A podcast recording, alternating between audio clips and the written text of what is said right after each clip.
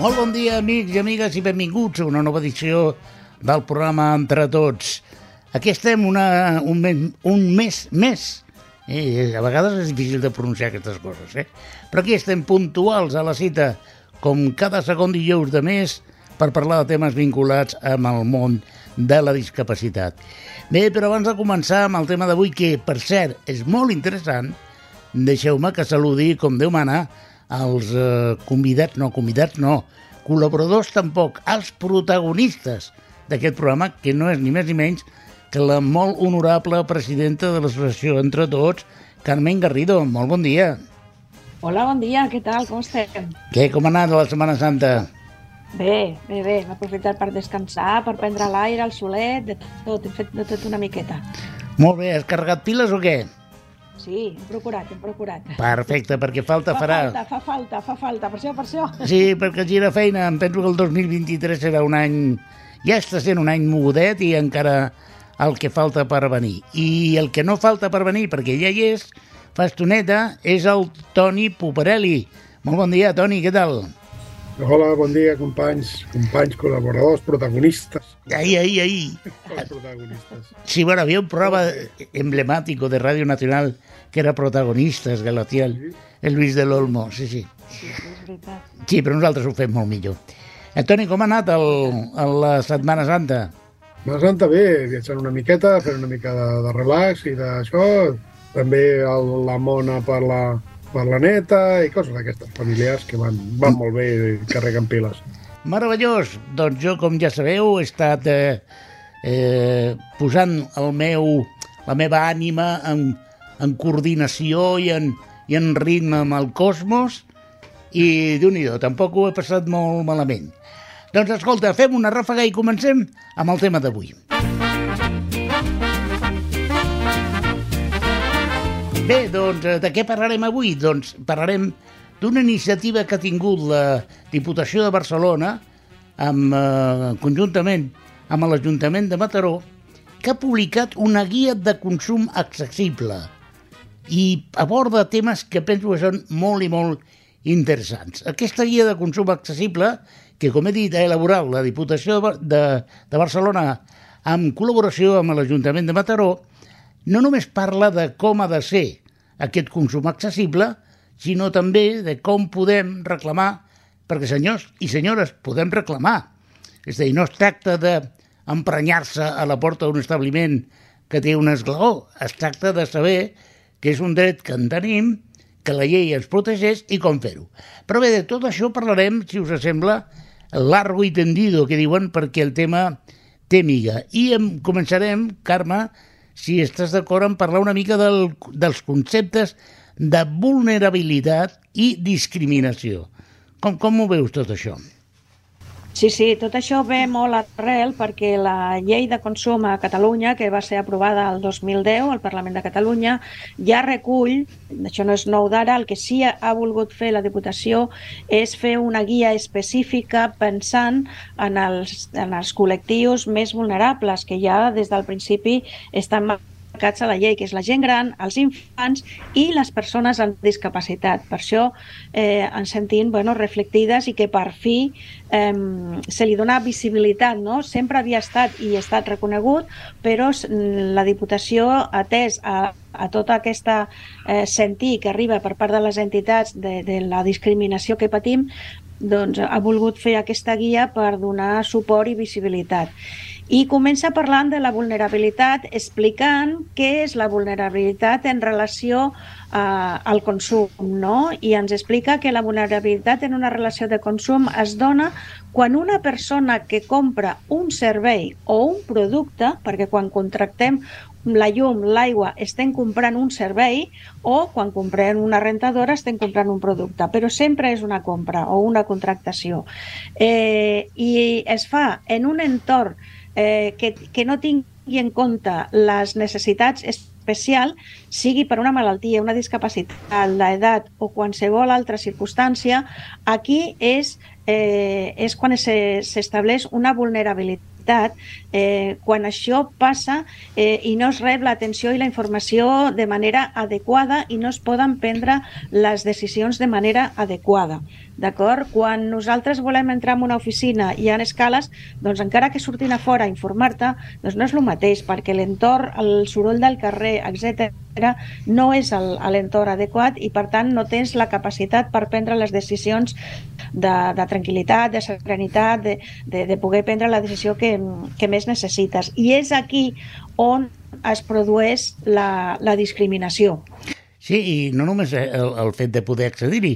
Ara estava pensant, per exemple, en una persona sorda o en una sí, sí, persona... Sí, exacte. O en una persona invident, no?, que no pot... Sí. Eh, no sé si, si seria bo, seria, bo no, seria imprescindible que la documentació vinculant fos eh, entendible amb, amb llenguatge en fàcil lectura o en braille o amb Exacte. una traducció en llengua de signes perquè la persona pogués entendre Sí. perfectament de què es tracta, no? En aquesta guia, que per cert la, la pengem a la nostra web i qui vulgui se la podrà descarregar o la podrà consultar, la tindrem penjada a partir de bueno, des de ja, perquè avui quan surti el programa a l'aire ja estarà penjada, doncs eh, hi hem marcat en color eh, alguna de les parts més importants. La pròpia guia ja parla de que ha d'haver-hi eh, la documentació amb lectura fàcil, eh, fins i tot amb, amb braille, en, allò, en, en aquelles ocasions que, que es requereixin, perquè totes les persones amb igualtat d'oportunitats, i això no és que ho digui la Diputació, això ja des del 2006 ho va dir la Convenció de Nacions Unides i des del 2013 ho diu la, la llei de, dels drets de les persones amb discapacitat. Perdona, Carme, podries recordar-nos eh, quina és la- l'adreça de la nostra web, d'Entre Tots? Sí, és entretots.org. Doncs ja sabeu, A fàcil. través... Sí, I, I no, només, I no només la pàgina web, sinó que tenim totes les xarxes socials i aprofitem per fer una mica de promo també, no? I tant. I com sí, diuen els youtubers, suscríbete, da like, porque tal, no sé què. Sí, sí, sí, ens poden trobar al Facebook, al Twitter, a l'Instagram, al YouTube. I ens podeu trobar també a ripolletradio.cat, on Correcte. estan penjats tots els programes que hem fet fins ara, i no només Exacte. aquests, sinó tots els... la pàgina ja trobareu un link on podeu accedir-hi als programes eh, aquest d'avui i els anteriors que vulgueu escoltar, el, el podcast, els podreu retrobar allà mateix. Molt bé. Toni, vols afegir alguna coseta en relació amb la vulnerabilitat o discriminació? Sí, repescar una mica el tema de l'accessibilitat a la vivenda i també quan contractem o lloguem una vivenda o fem una compra d'una vivenda, tots els temes d'accessibilitat han d'estar garantits i de més, en el qual també s'ha de fer molt d'èmfasi per, part, per la part venedora, podríem dir, per, per entendre bé els problemes d'accessibilitat, les necessitats d'accessibilitat de la persona amb discapacitat que pot fer la compra, i això és molt important. Un altre punt que jo volia també fer fer èmfasi és que inclús per les persones sorcega, per les persones sordes, hi ha un centre de- d'intermediació telefònica en el qual poden fer-lo servir per contractar alguna cosa i que aquelles coses que no pugui entendre per lo que sigui una persona sorda, una persona amb dificultats de qualsevol tipus, té un centre d'intermediació telefònica que amb l'ajuda d'una altra persona pot fer i que apareguin textos escrits, tot el que li està dient, etc etc. Amb la qual jo crec que ens estem posant les piles a nivell general de, de portar a terme a, a, la part pràctica i efectiva, sobretot efectiva, tot el, tot el tema de les lleis de consum i de, i de drets de les persones amb discapacitat. Mm. Penso que tot això és molt, molt interessant i molt important el que estaves apuntant i a vegades l'usuari de discapacitat no, no és conscient de totes les eines que té al seu abast i ja no parlo només dels drets, que d'això hem parlat molt i continuarem parlant, sinó també de les eines eh, més tecnològiques, no? Avui en dia els mòbils s'han convertit en una... i més ara amb la intel·ligència artificial, vull sembla que tot és possible. El que deies tu de l'assistència telefònica, penso que són, eh, són aspectes que si voleu algun dia podríem fer un recopilatori i fer una mica d'orientació de, de quines eh, aplicacions informàtiques o de mòbil o quins serveis poden ser utilitzats per eh, persones amb diferents tipus de discapacitat per poder normalitzar una mica més la seva, la seva vida. Sí, Carme. Eh, no, que ara que em parlem d'accessibilitat i com que estem parlant de la guia de consum, que considera la guia eh, com a, el concepte serveis accessibles, no? O què és l'accessibilitat? Perquè a vegades parlem d'accessibilitat i normalment la, ve, la gent se'n va a, a l'esglaó del carrer o a l'esglaó de, la, de la botiga. I accessibilitat són eh, la, la, les condicions que han de complir les empreses, els comerços, els serveis, els productes, perquè tothom pugui entendre tindre'ls, comprar-los o fer-los servir amb seguretat i comoditat. Per tant, eh, com ha de ser l'accessibilitat en els serveis d'ús públics? Doncs els serveis d'ús públics són, per exemple, un museu, una escola, una biblioteca, un hotel, un centre comercial o un centre esportiu. Si ho demanes, tots aquests serveis han de donar-te informació de fàcil forma d'entendre i que sigui accessible. És a dir, el que dèiem abans, de lectura fàcil, en braille, lletra ampliada o qualsevol altre sistema, com el que comentava el, el company l'Antonio, eh, també han de reservar places concretes per, per persones amb discapacitat i han d'adaptar les seves instal·lacions. És a dir, quan parlem d'accessibilitat no és només un esglaó, és que una manca d'informació és falta d'accessibilitat, d'acord? O que aquesta informació no se'ns proporcioni d'una manera adequada i que pugui ser rebuda per, per tothom en qualsevol circumstància que tingui, sigui una persona cega o sorda o amb un, amb un problema de, de salut mental o psíquic, un autisme, una paràlisi cerebral, etc. Vull dir, tothom són persones de ple dret i per tant tots hem de poder accedir-hi a, a poder eh, tenir una relació comercial eh, amb responsabilitat però també en, en garantir els nostres drets. Mm -hmm.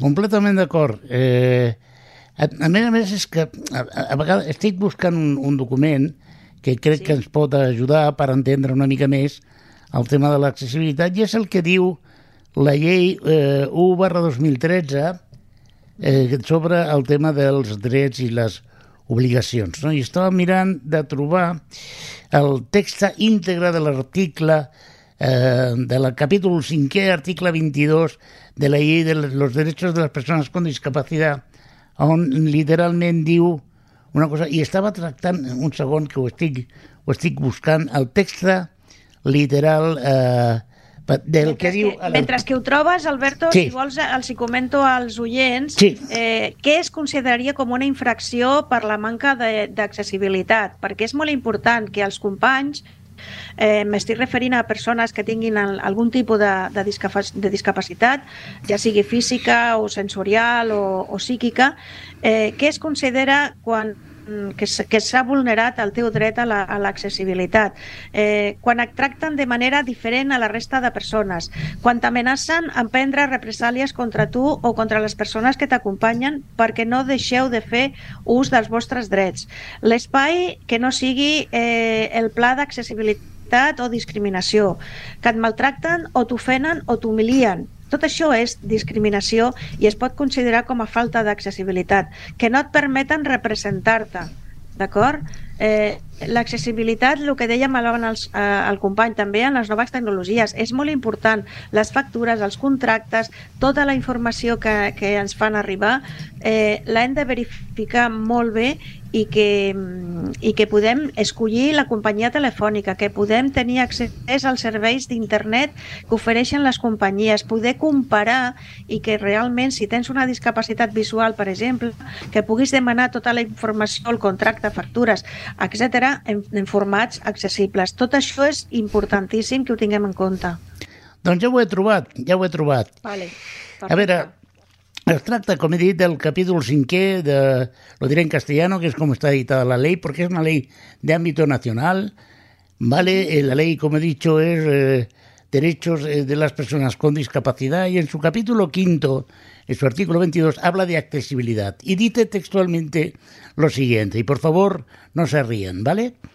Las personas con discapacidad tienen derecho a vivir de forma independiente y a participar plenamente en todos los aspectos de la vida.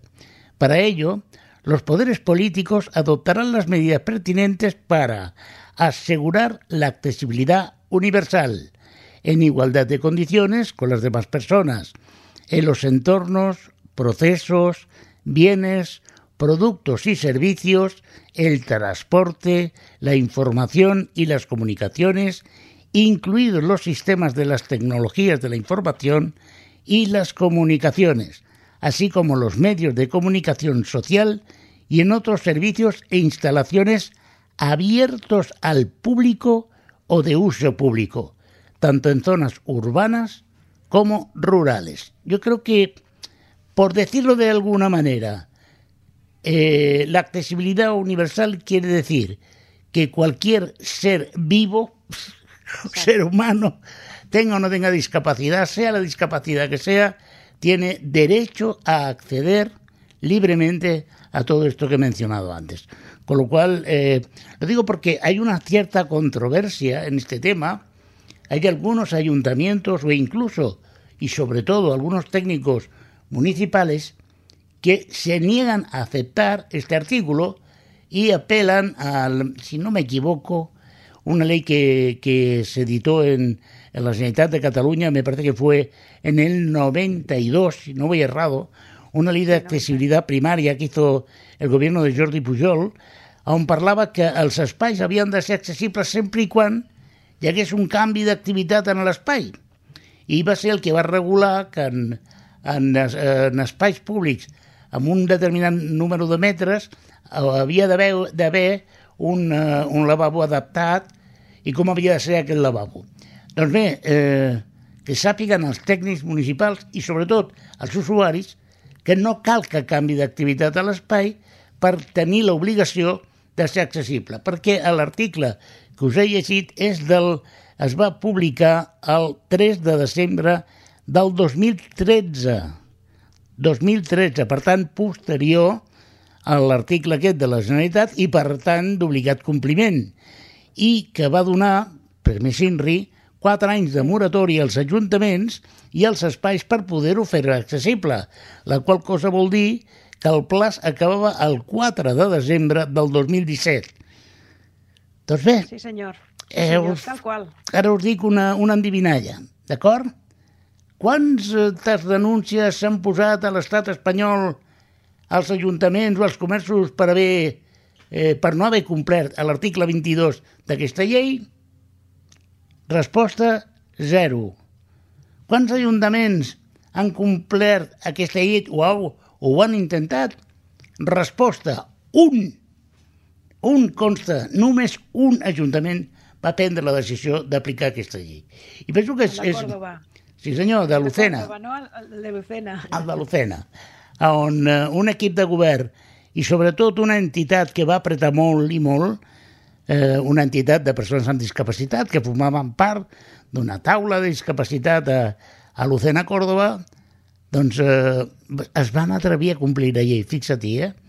I, i bé, eh, des d'aquí és que sempre que tinc ocasió eh, agraeixo al, al José Cantizani i el que ja ens ha deixat el Juan Romero la feina que van fer a Lucena on es van atrevir a fer complir aquesta llei, on van transformar tot el comerç local, on van subvencionar també aquesta modificació i on van aconseguir que més del 90% dels establiments de l'Ocena siguin accessibles, la qual cosa penso que, que es pot i es deu fer. I, i bé, doncs, eh, aquest missatge va adreçat sobretot als tècnics municipals que bé, que encara diuen que hi busquen excuses, no? Com si el que demanem fos un capritxi i no una, un dret. Però bueno, què hem Companys, bueno, per, això, per això accions com aquesta de, de l'elaboració d'aquesta guia per part de la Diputació de Barcelona el que vol és eh, sumar esforços eh, i donar suport als ciutadans i en aquest cas als col·lectius mm, doncs més, més vulnerables en aquest sentit que és la gent gran, els infants i, i les persones amb discapacitat que són els que més problemes de, de mobilitat o de comunicació en funció de la, de la discapacitat doncs en, en tenim, o sigui que Eh, per això és, és important tenint en compte aquesta, aquesta guia. Des, de, sí, sí. des de la vessant econòmica, ho miro sí. jo sempre amb aquelles uh -huh. ulleres, de la vessant econòmica el món de la discapacitat, ara, per exemple, que hi ha les ajudes dels fons europeus per la digitalització dels comerços, del petit comerç i de l'economia més propera al ciutadà, potser també és un moment oportú perquè la, les empreses petites, els petits comerços, tots aquests eh, facin passes tenint en vista l'ajuda la, que pot aportar a clients que van allà i que no els hi poden donar a prestar servei o el que sigui, però encara que només sigui per complir la llei i de, perquè les persones amb discapacitat que d'alguna manera les noves tecnologies inclús les ajudes econòmiques que hi han per fer accessibles edificis i de més puguin ajudar a desenvolupar el seu comerç també des de, en bé d'una economia per ells i per donar més servei, més clients puguin entrar, segurament més negoci podrem fer, no? Vull dir, també des d'un punt de vista econòmic. Evidentment que sí. Companys, què us sembla si fem una petita glopet eh, amb una petita sintonia i parlem dels serveis accessibles, d'acord? Doncs vinga, eh, una petita ràfaga i parlem de serveis accessibles.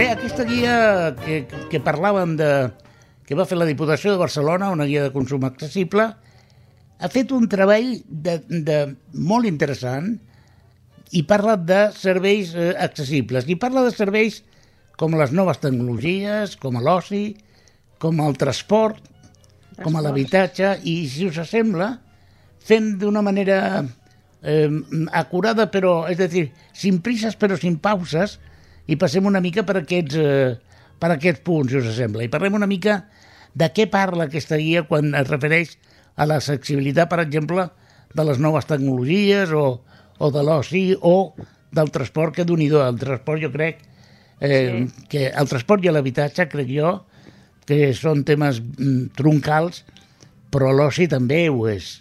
Eh? L'oci també. Per exemple, Home, que no... per exemple, les noves tecnologies, Alberto, eh, mm. diu que, que tot totes les persones tenim dret a poder comprar per internet, per exemple, no? que mm, sobretot després, ja fa, molt, ja fa temps, no? però sobretot des de la pandèmia, doncs que, no, que no quedava més remei i tots ens hem abassat a comprar més i fer servir més les pàgines web, les aplicacions, els ordinadors, els telèfons mòbils, les, les tauletes, tot, tots hem de tenir en compte que totes les empreses, eh, sobretot les públiques eh, i les administracions, les seves webs han de ser accessibles amb lectura fàcil, amb persones amb baixa visió o amb informació auditiva per les persones invidents, etc. Tot això no sempre, les, ni, ni la pròpia administració pública sempre ho, ho té així. I tot això és denunciable també, perquè ens estan discriminant eh, una, una vegada més. No? I una cosa que, que parlaves també a l'oci, ara que hem de passar uns dies de, de, de vacances, ara en Setmana Santa, eh, ha sortit molta gent, i bueno, els que convivim amb la discapacitat, física, sensorial o del tipus que sigui, sabem les dificultats que ens trobem si volem anar al cinema o entrar a un teatre o compartir un espectacle, no? Vull dir, sí que a vegades reserven els espais, però sempre estan o al final de la sala o a primera fila que te deixes al coll per, per mirar la pel·lícula. I sobretot les persones amb discapacitat no podem tenir amics, perquè si vas amb un grup d'amics o de familiars a, a, a un espectacle, el que va en cadira el posen al, al, a l'apartat, allà, al reservat, i la resta està en una altra banda, o sigui, et discriminen, tu no pots anar amb família o amb amics a, a, a compartir un espectacle o una pel·lícula al cinema. Realment eh, això està sent molt discriminatori. Per tant, és un tema que... I si em permets afegir, i si em permets sí, afegir sí, sí, un sí. altre... Jo, sí, jo sí. Trenco, trenco, trenco no, trenco la quarta paret que diuen i, sí. i no només com a espectadors, sinó com a actors, com a artistes, eh, uh -huh. quants uh -huh. teatres són accessibles a l'escenari? Vull dir que aquesta és una, una veritable... Sí, una veritable... Eh, ho dic perquè eh, modestament he fet alguna coseta i, i, sí, sí. i conec gent que, que, que, que li agrada el món de l'espectacle i, oh, i, que, i que li agrada veure-ho per descomptat, però fer-ho també. I també participar i tenint capacitat per poder participar uh, i fer un espectacle de teatre, de, de dansa, del de, que sigui, de sí, dansa, sí, sí, sí. del que sigui, sí, sí, la cultura és super... És, és, I sobretot, sobretot la cultura és el que ha de ser una porta a la inclusió, no? I en canvi eh, és una àrea que, de les que més eh, barreres eh, I, trobem. I un aspecte que penso que també cal eh, remarcar, que penso que és molt important, és tot el tema d'exposicions, d'obres d'art, Sí. en pintura, com a escultura. Eh, jo crec que, que haurien de d'estar previst en funció de la magnitud d'aquestes exposicions.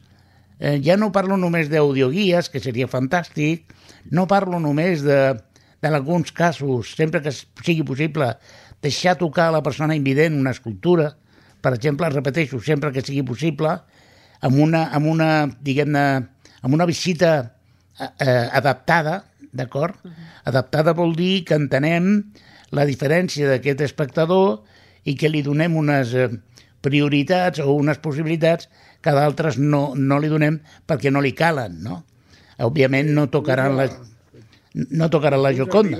Que les sales d'art, d'exposició de quadros i obres d'art, estan concebudes perquè les persones ho vegin de peu, a l'alçada de, Exacte. del cap. En canvi, una persona sí, senyor. que de rodes es troba moltes Sí. vegades. Una que ha d'estar molta estona amb el cap aixecat, amb la qual mals de cap i de cervicals que pot tenir, però sobretot els reflexes de llum, d'il·luminació, que moltes Sí. sí. vegades des de la visió d'una cadira de rodes l'únic que veu és un reflexe, no veu l'obra. Vull dir que alhora deu costar poquet fer que els focus estiguin a una distància correcta, amb un angle correcte per evitar que una persona amb una cadira de rodes o sentada en una cadira eh, o una persona baixeta, simplement, pugui, pugui gaudir de l'obra igual que, que les altres persones. No? Vull dir, a vegades són detalls d'aquests els que fan la diferència. Mm -hmm. Sí, Carme. Sí, no, és que ara al comentar això a l'Antonio de, de les pantalles eh, m'he recordat eh, no és un tema cultural però sí és un tema eh, del dia a dia i són els caixers automàtics, companys. Mm, jo és que vaig en cadira. Eh, cada vegada que has d'anar amb un caixer no sempre un caixer està a l'alçada que tu el puguis fer servir des de la, des de la cadira de rodes. I, i normalment és per, per aquest concepte que, que comenta l'Antonio, per la il·luminació, perquè queda una miqueta alt i si tu no estàs de peu, la, la llum que rel la pantalla fa que la teva alçada no té, no té una visió eh, No, i, peti, correcta. I petits detalls, com per exemple el tema de la introducció de la tarja en, el, en la ranura.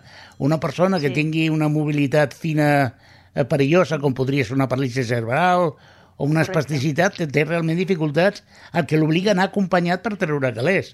Sí, senyor. I a vegades no t'interessen... Cada cop hi ha més, cada cop hi ha més, per exemple, molts caixers ja tenen una, un contactless en el qual només acostant la tarja a un Mm. panell ja s'activa, vull dir, comencen a haver coses que també les noves tecnologies, també els que dissenyen nous sistemes i noves coses, han de pensar que, que poden ser elements d'inclusió que afavoreixen d'una manera natural i, i fan que la persona no, sigui, no tingui discapacitat per fer allò. Al final és el que és. La, la millor discapacitat és la que no existeix, perquè si no Sí, però pots- arribar i fer el teu servei i ja està. Però fixa't que, per exemple, les, les, quan entres al, al, al banc, que cada vegada s'entra menys, i sí. vas a parlar amb el, amb el treballador de la banca i que li has de demanar una consulta o el que sigui, que cada vegada s'hi va menys, l'alçada del, del mostrador no respecta la mesura dels 80 centímetres que obliga la llei. D'acord? Estan, a més a més... Sí, és que el tema, el tema de l'accessibilitat realment, per això busquem, prim, eh, filem prim, eh, perquè, perquè és que volem que hi hagin detalls i, i, i exemples de tota mena, no? de que l'accessibilitat està en moltes, moltes aspectes de, del nostre dia a dia. Ostres, se m'acaba... Jo és que sóc una, una mica pamfletari, eh? Els oients d'entre tots ja, ja em coneixen i, i bueno, ja saben que puc sortir en qualsevol lloc. Però se m'acaba d'ocorrir un eslògan que millor és si hi ha accessibilitat, hi ha menys discapacitat. No? És a dir, de fet, la, el que ens fa discapacitats és la manca d'accessibilitat. La discapacitat no és de la persona, sinó del, del sistema. De l'entorn, exacte. de, de la societat, de tot l'entorn.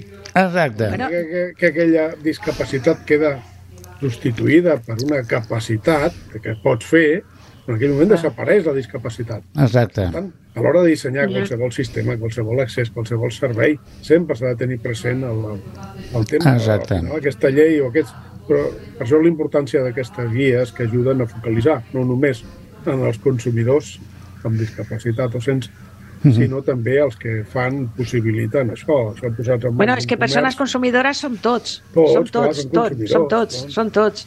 Fixeu-vos amb això de l'accessibilitat la, que fins i tot quan, quan ens fan la nostra valoració i ens otorguen el grau de discapacitat, aquest que, que ens donen o que ens revisen periòdicament, eh, ens donen un grau i ja s'afegeix un tant per cent per la, la, la dificultat social que tindrem. O sigui, la, la, a nivell de, de sanitat ja s'incrementen, em sembla que és un, un 10-15% més del que la nostra malaltia, la nostra lesió ens provoca de discapacitat perquè ja hi compten que en el dia a dia que les barreres, que la manca d'accessibilitat i, la, i la discriminació social farà que la nostra discapacitat no sigui no només la que tenim, sinó que està incrementada en un tant per cent més.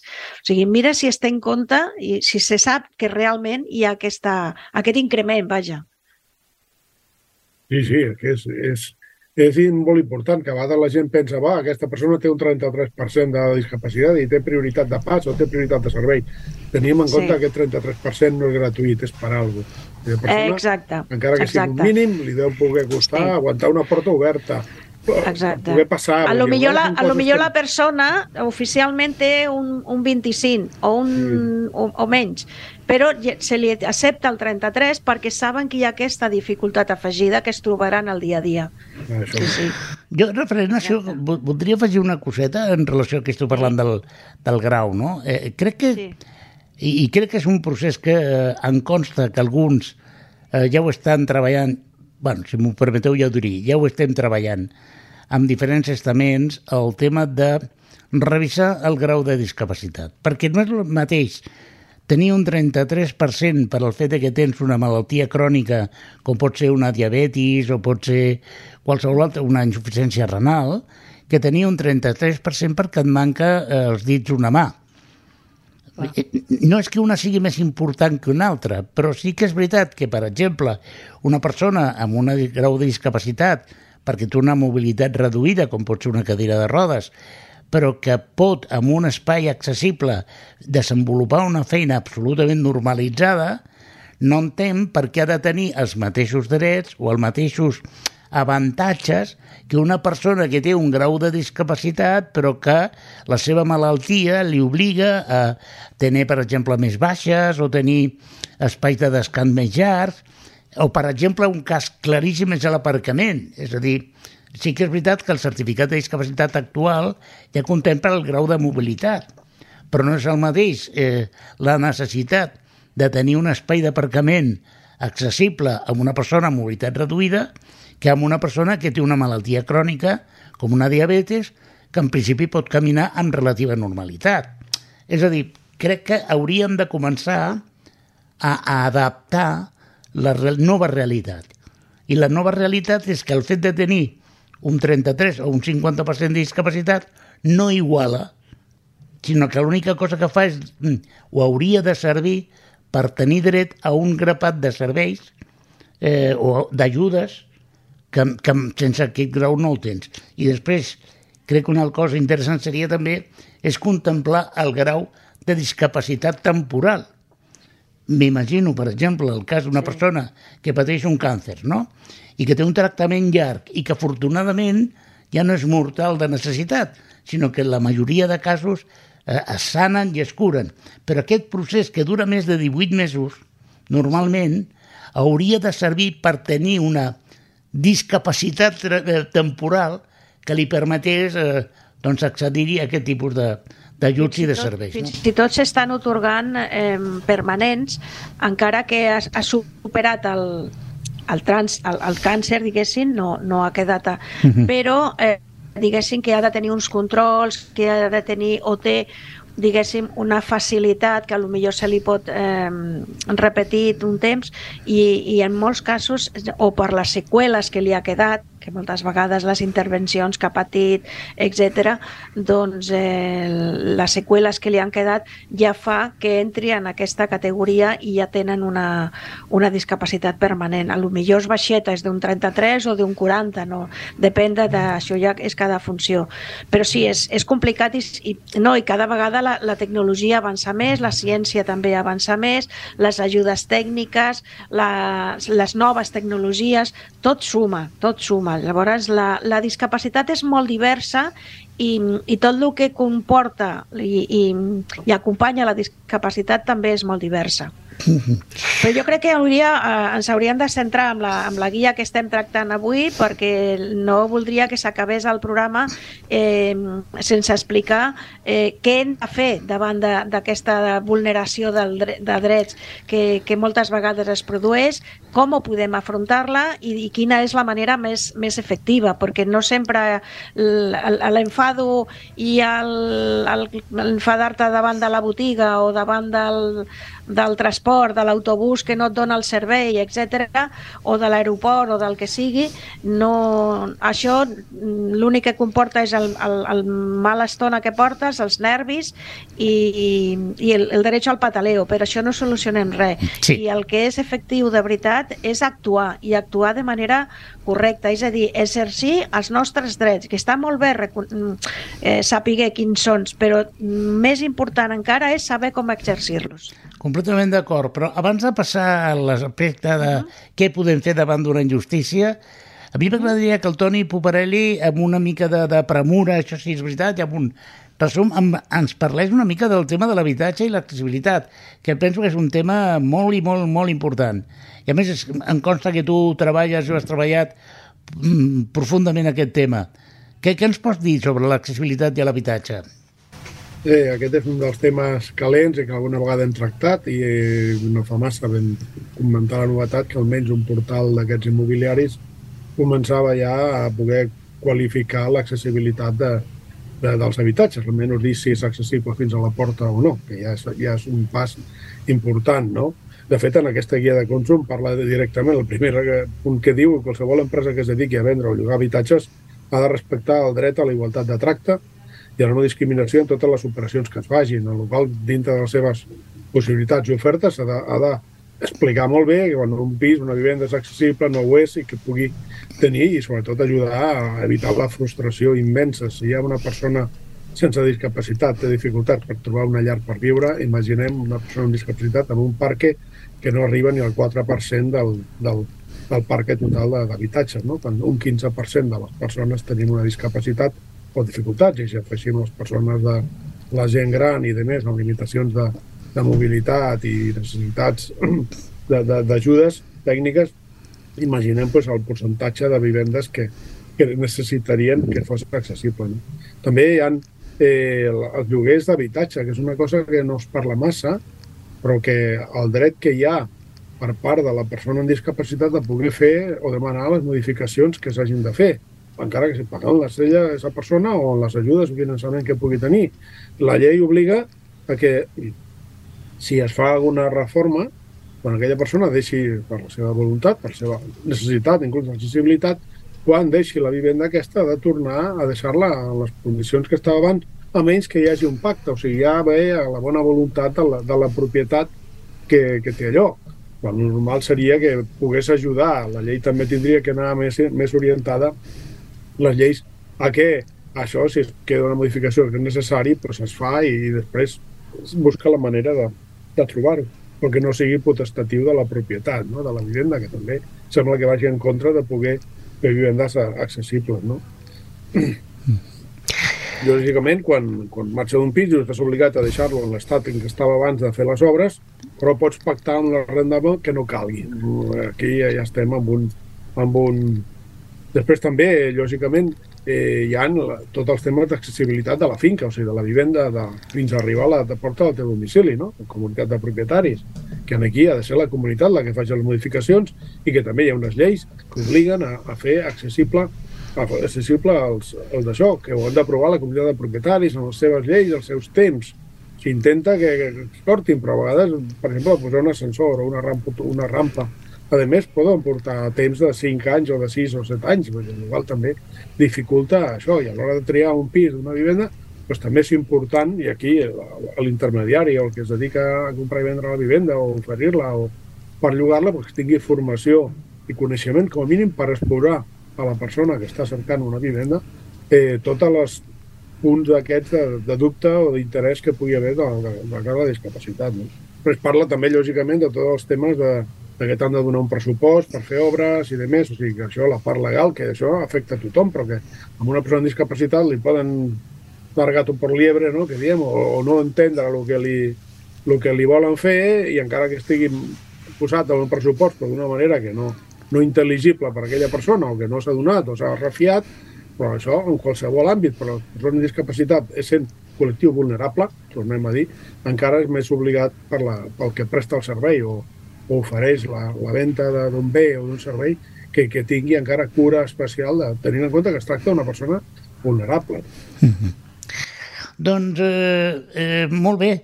Si us sembla, fem una petita un glopet de, de ràfaga i parlem, com deia la Carme, de què podem fer de, per, per, quan ens trobem amb una injustícia.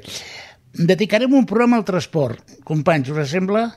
Perquè penso que és sí. molt important parlar sí, dels drets... Que, jo crec que aquesta guia, el que comentàvem abans, la deixarem penjada a la web, però és que podem parlar del transport terrestre, aeri, marítim, Exacte, que... d'abusos, de, de trens, vull dir, és que i el, aquí el, el, tot el tema d'accessibilitat és molt important que coneguin els drets i com reclamar-los.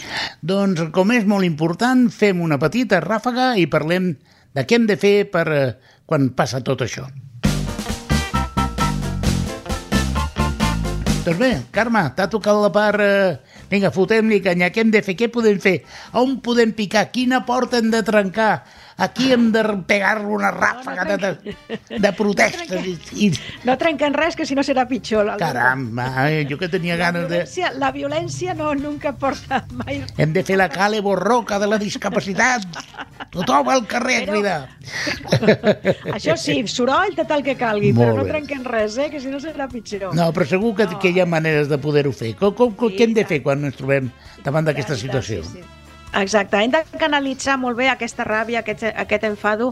Eh, el millor per la salut i, per, i pels nostres drets és canalitzar-lo de manera correcta. I quan les persones consumidores, que hem de recordar que som tots, i som tots des del moment que naixem fins al moment que marxem, perquè des d'abans de néixer fins a després de marxar eh, d'aquest món eh, estem consumint, eh, abans de néixer un nadó ja preparem tota la canastilla i quan marxem hi ha tota una despesa despesa de, de funeral i demás, o, o sigui que des d'abans i després eh, ja estem consumint. Per tant, és important tenir eh, clar els nostres drets i si no es compleixen, com, com reclamar-lo.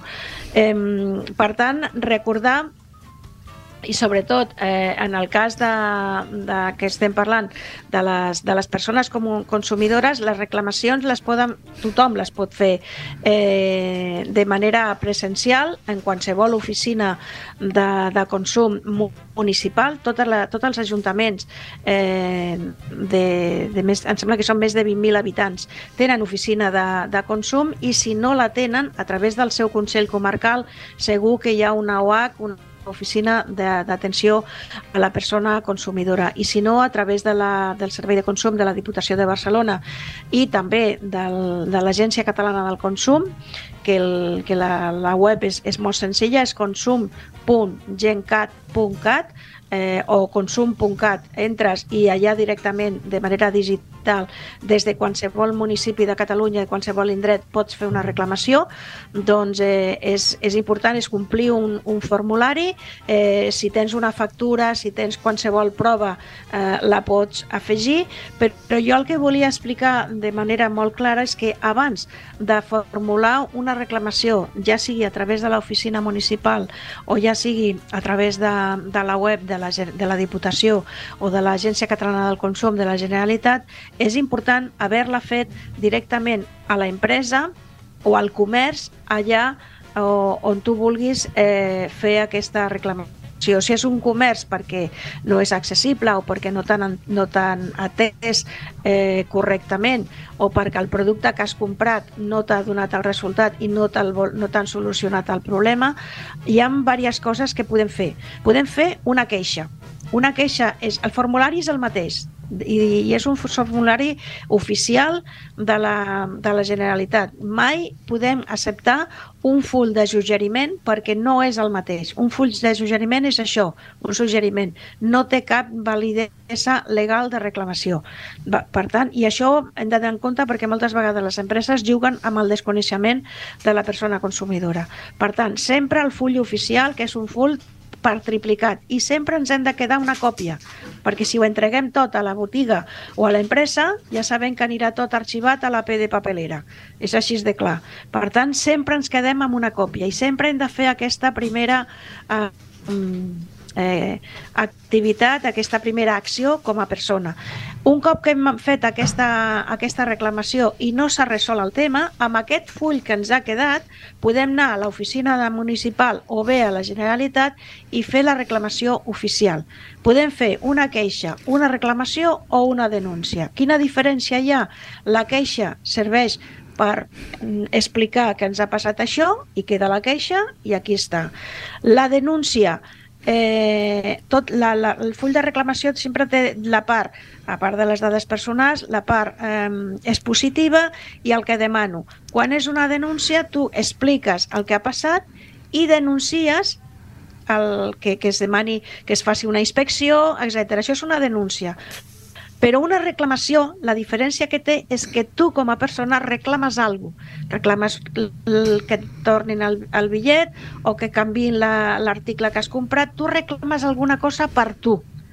Vale? Si simplement ho denúncies, és una denúncia que queda constància a l'administració de que ja s'ha produït una discriminació, però tu no estàs reclamant res per tu. Si tu vols que et retornin uns calés perquè no has pogut fer un viatge, perquè no t'han perdut la maleta, perquè t'han comprat una rentadora, no funciona i no t'han resolt el problema, perquè l'empresa de servei de la llum o del gas o del telèfon t'ha cobrat tant de més i no hi ha manera de regularitzar i de que et retornin aquest... Això és una reclamació per perquè tu estàs reclamant alguna cosa que tu vols recuperar. Aquesta és la diferència i això ho hem de tenir molt clar. Però sigui una queixa, una reclamació o una denúncia, el que sigui, el més important de tot és que quedi per escrit. Perquè el que no... I, i és llàstima perquè moltes vegades és que no serveix per res. No, no és veritat.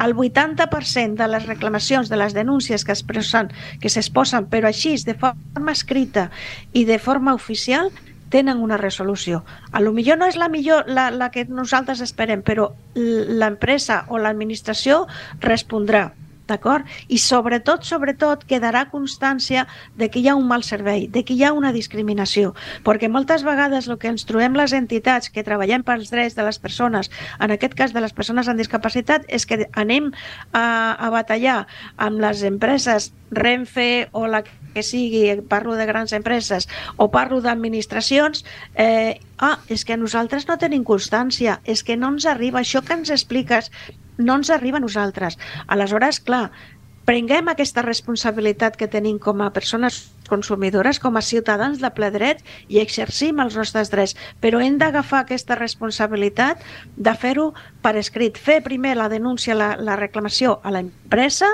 o a l'establiment i després, si no en resol, amb aquest full de, que tenim, aquesta còpia que tenim personal, hem a, la, a fer la, la renúncia, la, la, la reclamació a l'administració. La, Aquest és el procediment i és el que funciona. I és, us asseguro que el 80% s'acaben resolent. Però hem de tenir aquesta responsabilitat i, i dedicar aquesta, aquest temps. Mm -hmm. Això que dius és molt i molt i molt i molt, i però que molt, però que molt interessant, perquè a més a més eh, eh, una cosa que moltes vegades s'oblidem uh -huh. és que tenim dret és a dir, la llei, hi ha moltes, moltes lleis que estan a favor nostre i que respecten Exacte. els nostres drets. Per tant, hem de ser conscients que moltíssimes vegades no només la llei del consum general per qualsevol ciutadà, sinó que específicament per nosaltres la llei també contempla, com hem tractat d'explicar en el programa d'avui, contempla també les nostres diferències. I per tant, eh, la llei és més eficaç que la bronca us ho puc garantir. Tu et pots emprenyar moltíssim i començar a cridar i, i fins i tot a insultar, però això no arriba en lloc. És molt més eficaç una denúncia. I us dic de, per, per pròpia experiència que una bona reclamació o una bona denúncia o una bona, eh, ja ho diré demà, l'altre aspecte que comentava Una la queixa, Carme, una queixa, una una queixa i una reclamació, funciona, funciona, de veritat que funciona, perquè eh, si ho fas de la forma correcta, les inspeccions, que són regulars, eh, ho veuen, ho miren i ho tenen en compte. Això no vol dir que tanquin demà aquest comerç que t'ha tractat mm, molt malament. No, però que queda una manxa en l'informe, ja us ho dic que, que sí. I si és un establiment o servei públic, com pot ser, per exemple, com deia la Carme, un transport públic, una oficina d'atenció al ciutadà, un servei administratiu, una manxa negra en, en l'expediente no és cosa bona. Per tant, funciona.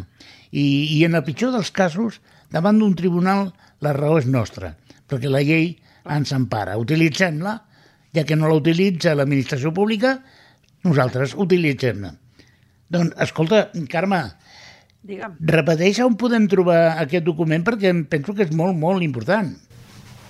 Bueno, les, els fulls de reclamació, totes les empreses, tots els comerços, per llei, ho han de tenir a, a facilitar. I si no t'ho faciliten, mira si és greu el tema, tu pots trucar a, al, als mitjans de seguretat, a la policia local, als Mossos, i davant de l'autoritat tenen l'obligació d'entregar-te, de fer-te entrega un full oficial de reclamació, que repeteixo, és un full de tres còpies, perquè una és per tu, una altra per l'empresa o el comerç i l'altra tercera és per l'administració. No entregueu mai les tres fulles al comerç o l'empresa, perquè si no, no tindrà valor. Sempre teniu dret, sempre que signeu alguna cosa, sempre que compreu alguna cosa, sempre que teniu eh, un, un contracte, sempre teniu dret a tenir una còpia. Doncs d'un full de reclamació també tenim una còpia. I amb aquesta còpia és la força que tenim de que si l'empresa no respon en un mes, tu tens la, la potestat d'anar-te a l'oficina de consum o bé virtualment, enviar-ho a l'oficina de consum i afegir el document i la factura i el tíquet o lo que, el, la prova que tinguis. Doncs mira per on nosaltres tornarem d'aquí un mes i tenim tres còpies, tres còpies perfectes, però no et quedis amb una, no, queda't amb totes tres. Perquè saps què passa, companys i amics, que ens hem quedat gairebé sense temps. Bueno, gairebé no, que ens hem quedat sense temps. Per tant, eh, a l'audiència multitudinària de l'Entretots a Ripollet Ràdio, doncs escolta, quedeu-vos amb nosaltres, però ja sabeu el que en diem sempre. Eh, però això ho direm al final, que queda molt xulo acabar el programa amb aquest eslògan. Carme Garrido, em, es que me ayunó, bueno, me, me arrodillo ante sus ruedas en un acto de pleitesía y homenaje, porque es usted, bueno, es que si no existiera habría que inventarla. Moltes gràcies, Carme. Jo també te quiero, Alberto. Bueno, el nostre amor és públic i notori. I tant. Home, que és platònic de moment, però... Toni, bueno, a tu... és, que, és que és un amor a tres, eh? Esto és Això també és veritat. Ostres, fem un trio cada mes. Tu no, no ho havia caigut amb això, eh? Sí, sí, sí, sí, sí. sí. Toni, eh, a tu pero, també pero es t'estimo. un trío abierto, ¿eh? Se puede afe- eh, a- a- afe- a- a- Bueno, es pueden afegir més. Poliamor, més no?, que eh? dius tu, eh, una pareja abierta. Toni Puparelli, també, uy, uy, cómo está derivando esto. també t'estimem a tu, eh? Toni, no pateixis. Bé, jo em sento estimat això, i per també això, us per estimo això. molt. I em deixeu que incorpori amb una persona que fa dies que no ens acompanya perquè no està passant per un bon moment de salut. Eh, a l'altre dia vam parlar amb ella, està una mica millor, jo crec que dintre de poc ens tornarà a acompanyar. Estic parlant de la nostra companya, amiga, i no és res més perquè ella no vol, eh, a la Soledad Martínez, de, des d'Alacant. Martínez, Una abraçada molt forta sí. amb ella, la seva companya, que físicament estan passant un moment d'allò... Vale? Però segur que, que dintre de poc ens, ens tornaran a, a donar aquells consells de tipus legal que, escoltes, em van molt i molt bé. La, la toga, la toga, la, La toga. faltar, eh, la toga. Exactament. Sí, sí, sí, doncs sí. bé, amics i amigues que ens esteu escoltant a través de Ripollet Ràdio, recordar-vos que ens podreu tornar a escoltar quan vulgueu a ripolletradio.cat, recordar que aquest programa s'emet cada dos dijous, el segon dijous de mes, de 8 a 9 del vespre, i que per nosaltres és un plaer estar amb vosaltres, que teniu les nostres xarxes socials eh, per consultar, per mirar i tal. I també us deia que si algú de vosaltres que ens esteu escoltant voleu participar-hi i preguntar en el programa, en directe, doncs escolta, portes obertes, com deia la Carme. I per nostra part, res més. Acomiadant-se en el programa d'aquest mes, recordant una cosa que és molt important, i és que entre tots és potser l'únic programa que no busca oients. El que busca són còmplices. Còmplices. Fins al mes que ve, companys. A reveure.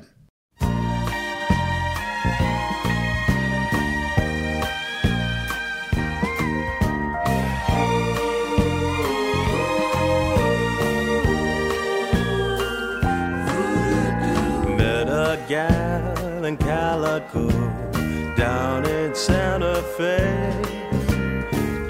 to be a Sunday boy till I roll.